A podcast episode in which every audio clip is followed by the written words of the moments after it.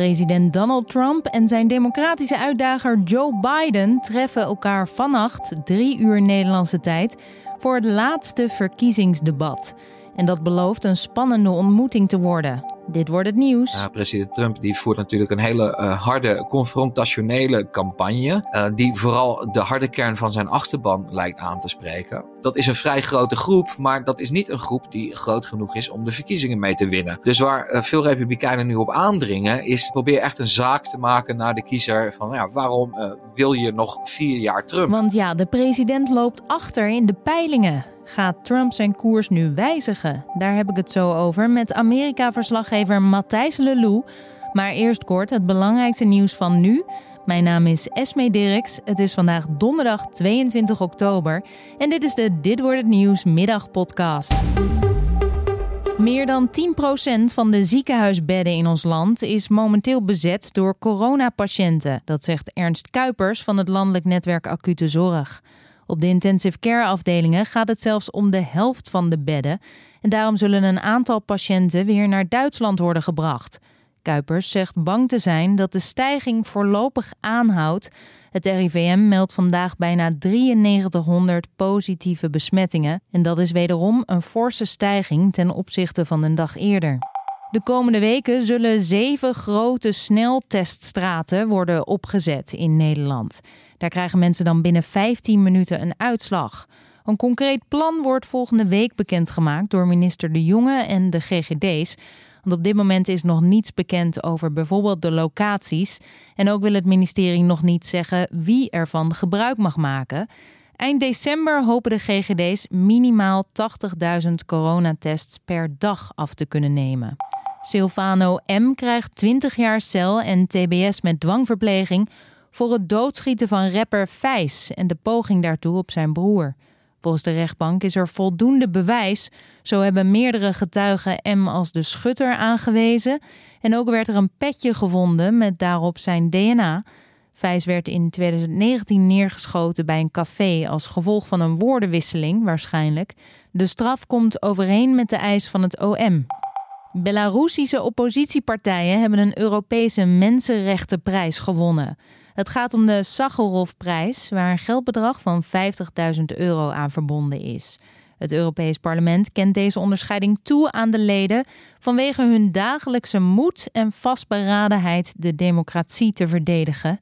Belarus staat al ruim tien weken in het teken van protesten na de vermoedelijke verkiezingsfraude tijdens de presidentsverkiezingen op 9 augustus. En Duitsers zijn weer massaal aan het hamsteren geslagen. Dat meldt het Duitse Statistiekbureau. De verkoop van wc-papier en zeep en desinfectiemiddelen maakt een ongekende groei door. Vooral uh, toiletpapier, dat werd bijna 90% vaker gekocht dan normaal. Volgens een woordvoerder van Albert Heijn is er in ons land op dit moment nog geen hamstergedrag te zien.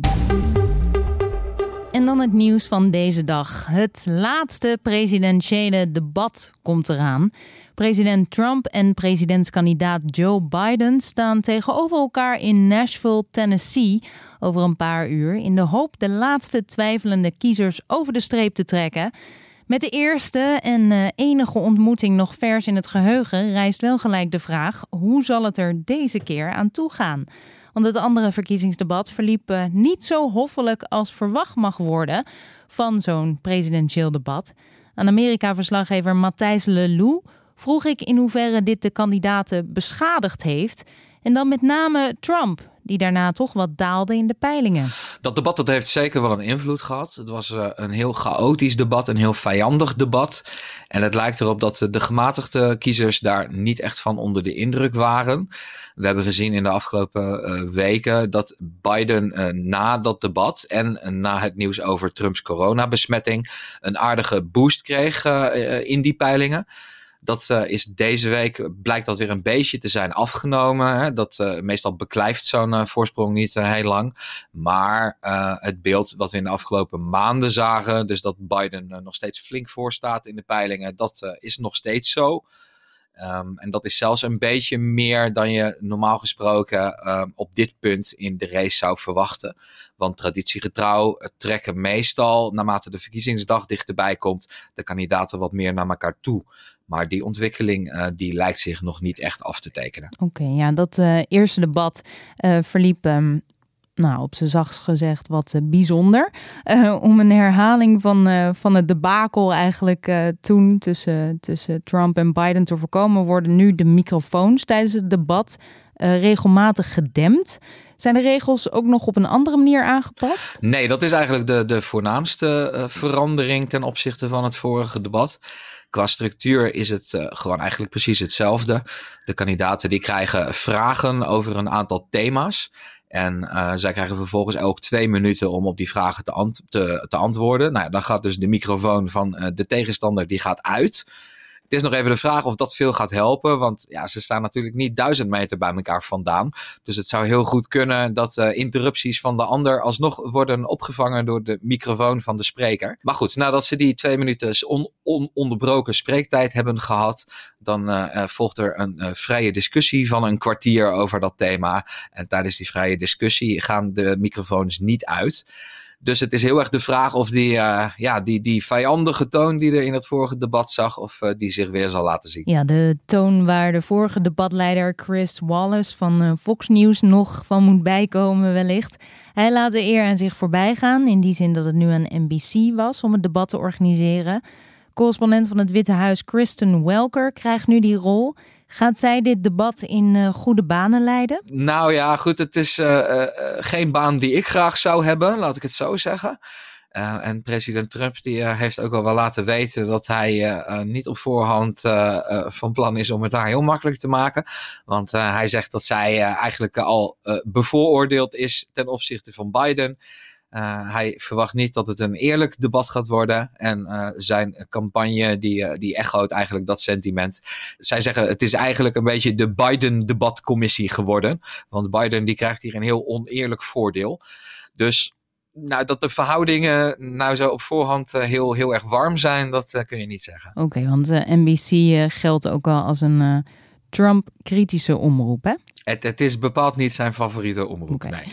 Nou, naar schatting is, uh, is eigenlijk nog maar 6% van de kiezers aan het twijfelen. Um, waar gaat de Amerikaanse kiezer op letten vannacht? Wat wil hij eigenlijk nog weten over Trump en Biden? Of, of willen ze iets zien? Het is altijd een beetje de vraag in hoeverre zo'n debat nou invloed heeft op de einduitslag van verkiezingen. Uit allerlei onderzoeken die in de loop van de jaren zijn gedaan, blijkt dat die invloed maar heel beperkt is. Maar tegelijkertijd zou het natuurlijk kunnen dat die zwevende kiezers nog een rol van betekenis eh, gaan spelen in belangrijke swingstaten. Vooral als de marges tussen Trump en Biden daar heel dun blijken te zijn. Dus dat kun je op voorhand heel moeilijk inschatten. Dat geldt ook een beetje voor waar die kiezers nou precies naar zullen zullen kijken. Maar uh, in het algemeen zou je een beetje kunnen zeggen dat uh, waar president Trump zich op moet richten, dat zijn gematigde kiezers die uh, nog niet helemaal zeker zijn wat ze willen doen en die op zoek zijn naar argumenten om niet op Joe Biden te stemmen. Ja, ja. En wat, wat moet Biden daar tegenover zetten? Biden die heeft in de hele campagne ehm, nou ja, naar verhouding heel erg achterover kunnen leunen. Het uh, nieuws heeft heel erg ge gedraaid om wat president Trump allemaal aan het doen was. Uh, natuurlijk president Trump aanpak van de coronacrisis. Wat veruit het belangrijkste verkiezingsthema is dit jaar. Dus Biden die heeft ja, een beetje een, een, vrij makkelijke weg gehad tot nu toe. Maar hij moet er wel een beetje voor waken uh, dat hij niet voldoet aan het beeld dat de Republikeinen van hem hebben geschetst. President Trump en zijn aanhangers die hebben maandenlang geroepen van nou Joe Biden die is uh, ten eerste stok oud. Uh, hij is uh, 77, dus uh, nou ja, goed, dat argument dat heeft wel enige merite. maar ze zeggen ook van ja, hij is daarnaast ook nog eens een keertje hartstikke dement. Hij kan geen twee zinnen meer aan elkaar knopen. Hij zit alleen maar een beetje in de kelder van zijn huis. En zijn adviseurs die proberen hem heel erg uit het zicht te houden, omdat het heel erg slecht met hem gaat mentaal. Ja, Biden die liet tijdens het eerste debat zien dat dat beeld uh, niet klopt. Dat uh, kunnen we heel kort over zijn. Uh, Biden is misschien wat fletser dan hij twintig jaar geleden was. Maar hij kan zich nog prima uitdrukken. En hij lijkt ook niet de weg helemaal kwijt te zijn. maar Biden die staat tegelijkertijd ook bekend als een politicus die zich regelmatig verspreekt. Ja. dat is al zijn hele politieke carrière zo. En waar de Biden-adviseurs waarschijnlijk op zullen hopen, is dat hij gewoon een, een heel ja, een kalm en samenhangend optreden te berden geeft, waar niet al te grote fouten worden gemaakt dat hij uh, kortom niet voldoet aan dat beeld wat de Republikeinen van hem schetsen. Nou ja, als dat lukt, dan heeft hij uh, zijn werk gedaan. Oké, hij mag dus geen, uh, geen blunder maken. Biden heeft inmiddels natuurlijk enige ervaring met de debattechnieken van Trump. Ehm, hoe gaat hij zich straks opstellen, denk je? Want ook hij liet zich toch een beetje uit de tent lokken. En heeft ook wel dingen gezegd waar hij misschien achteraf niet zo uh, trots op was. Hoe bereidt hij zich voor nu, denk je? Ja, het is uh, ongebruikelijk te noemen dat uh, de ene presidentskandidaat de andere presidentskandidaat toevoegt dat hij zijn kop moet houden tijdens een debat. Um, dus Biden uh, die liet zich wel een beetje uh, kennen uh, tijdens de barrage van, van onderbrekingen door president Trump. Er was ook in aanloop naar dat eerste debat bekend dat de, de voorbereidingen van Biden zich voor een groot deel richten op laat je toch vooral niet kennen, laat je niet uit de tent lokken, ga niet op hetzelfde niveau zitten als president Trump. Dat zal dit keer waarschijnlijk niet veel anders zijn. Uh, Biden die zal waarschijnlijk ook proberen om uh, een oproep te doen. Uh, zowel aan de gematigde kiezers, de, de weinige kiezers die nog echt twijfelen, als aan zijn eigen achterban. Want omdat hij al zo lang voorstaat in de peilingen, zijn de Democraten doodsbenauwd dat mogelijke democratische kiezers denken van, nou ja, het is niet meer nodig dat ik naar de stembus ga.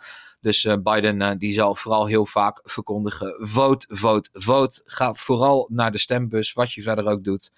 Um, dus ik gok dat hij daar uh, vooral op gaat inzetten. Dus dat hij zich eigenlijk vooral gaat richten op de kiezer. Ja, dat zagen we tijdens het eerste debat ook. Uh, Biden die richtte zich een aantal keren echt direct tot de camera om de kiezer als het ware in de ogen aan te kijken en uh, direct toe te spreken.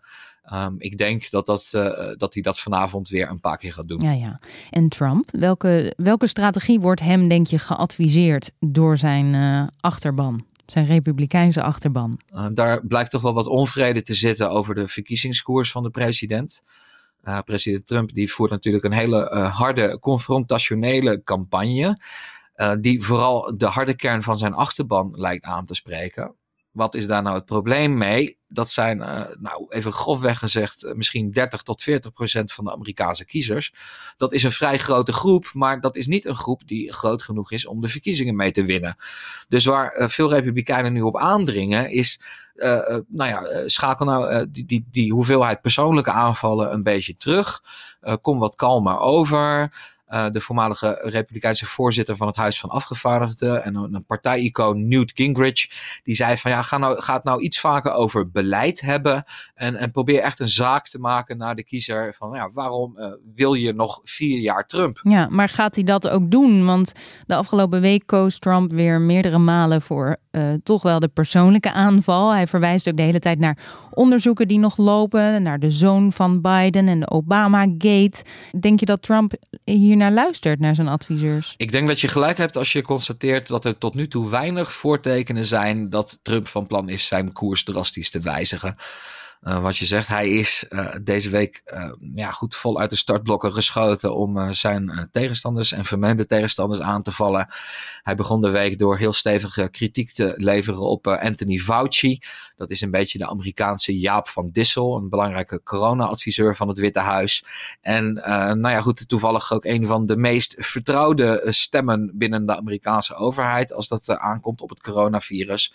Trump die noemde hem onder meer een idioot en uh, zei dat ja, goed, het coronavirus al bijna achter de rug is. Terwijl Fauci wat anders beweert. Ja, die roept de Amerikanen op om maar geen Thanksgiving te vieren. Ja, ja Fauci die is, die is heel voorzichtig. En dat lijkt de president toch wel aardig tegen te staan langzamerhand. Trump die zei van nou, de kiezer die is hartstikke moe van het coronavirus. Ze horen daar telkens maar over van Fauci en al die andere idioten. Zo, zo zei hij dat letterlijk aan de telefoon met aanhangers. Dus nou ja, dat is natuurlijk een, dat is oorlogzuchtig te noemen qua toon. Dat zette hij later in de week door door zijn minister van Justitie, Bill Barr, op te roepen om toch vooral een onderzoek te openen naar de handel en wandel van de familie Biden. Want dan heeft hij het vooral over de zoon van Joe Biden, Hunter die uh, in het verleden zaken deed in Oekraïne. Nou ja, volgens Trump zat daar van alles bij fout. Er was een, in de afgelopen weken een verhaal van de tabloidkrant de New York Post. Nou, die, die dat verhaal van de New York Post, uh, geen enkel ander medium heeft dat nog onafhankelijk kunnen bevestigen. Dus vooralsnog zijn er weinig bewijzen voor het verhaal geleverd. Maar de president die zet er zeker volop in. Ja, alleen zijn republikeinse adviseurs die zullen hem aanraden om zich op het beleid te focussen vannacht. Verwacht jij weer een circus? dat is een beetje moeilijk te zeggen. Uh, het tweede debat dat we hebben gezien, dat tussen de twee vicepresidenten, dat verliep al een stuk conventioneler. Dat was veel meer het, het aloude verkiezingsdebat zoals we dat gewend zijn. maar goed, het zijn natuurlijk wel weer de tweezelfde mannen die op het podium stonden als tijdens dat eerste zeer bijzondere debat. Uh, dus het, uh, het kan alle kanten op. Ik uh, ga me van tevoren nergens op instellen en ik laat het allemaal gewoon over me heen komen. Ja, dat laatste debat tussen president Donald Trump en zijn uitdager Joe Biden is vannacht te zien om drie uur Nederlandse tijd. En dan nog het weer. Vandaag is het wisselend bewolkt en wat regenachtig. Vanavond en vannacht blijft in het zuidoosten de kans op een bui aanwezig. Soms eh, pittig en ook met hagel en onweer. In andere delen van het land is en blijft het droog, maar kan er mist ontstaan. Het kwik daalt naar 12 graden in het zuiden en in sommige plaatsen koelt het af naar zo'n 8 graden. Vrijdag start grotendeels droog en de zon laat zich ook af en toe zien, maar later neemt de kans op regen weer toe. Het wordt 15 tot 17 graden. Dit was de middagpodcast van Dit wordt het nieuws. Nu.nl. Heb je tips of feedback? Mail dat dan via podcast.nu.nl. Ik wens je een hele fijne avond en morgen zijn we er weer.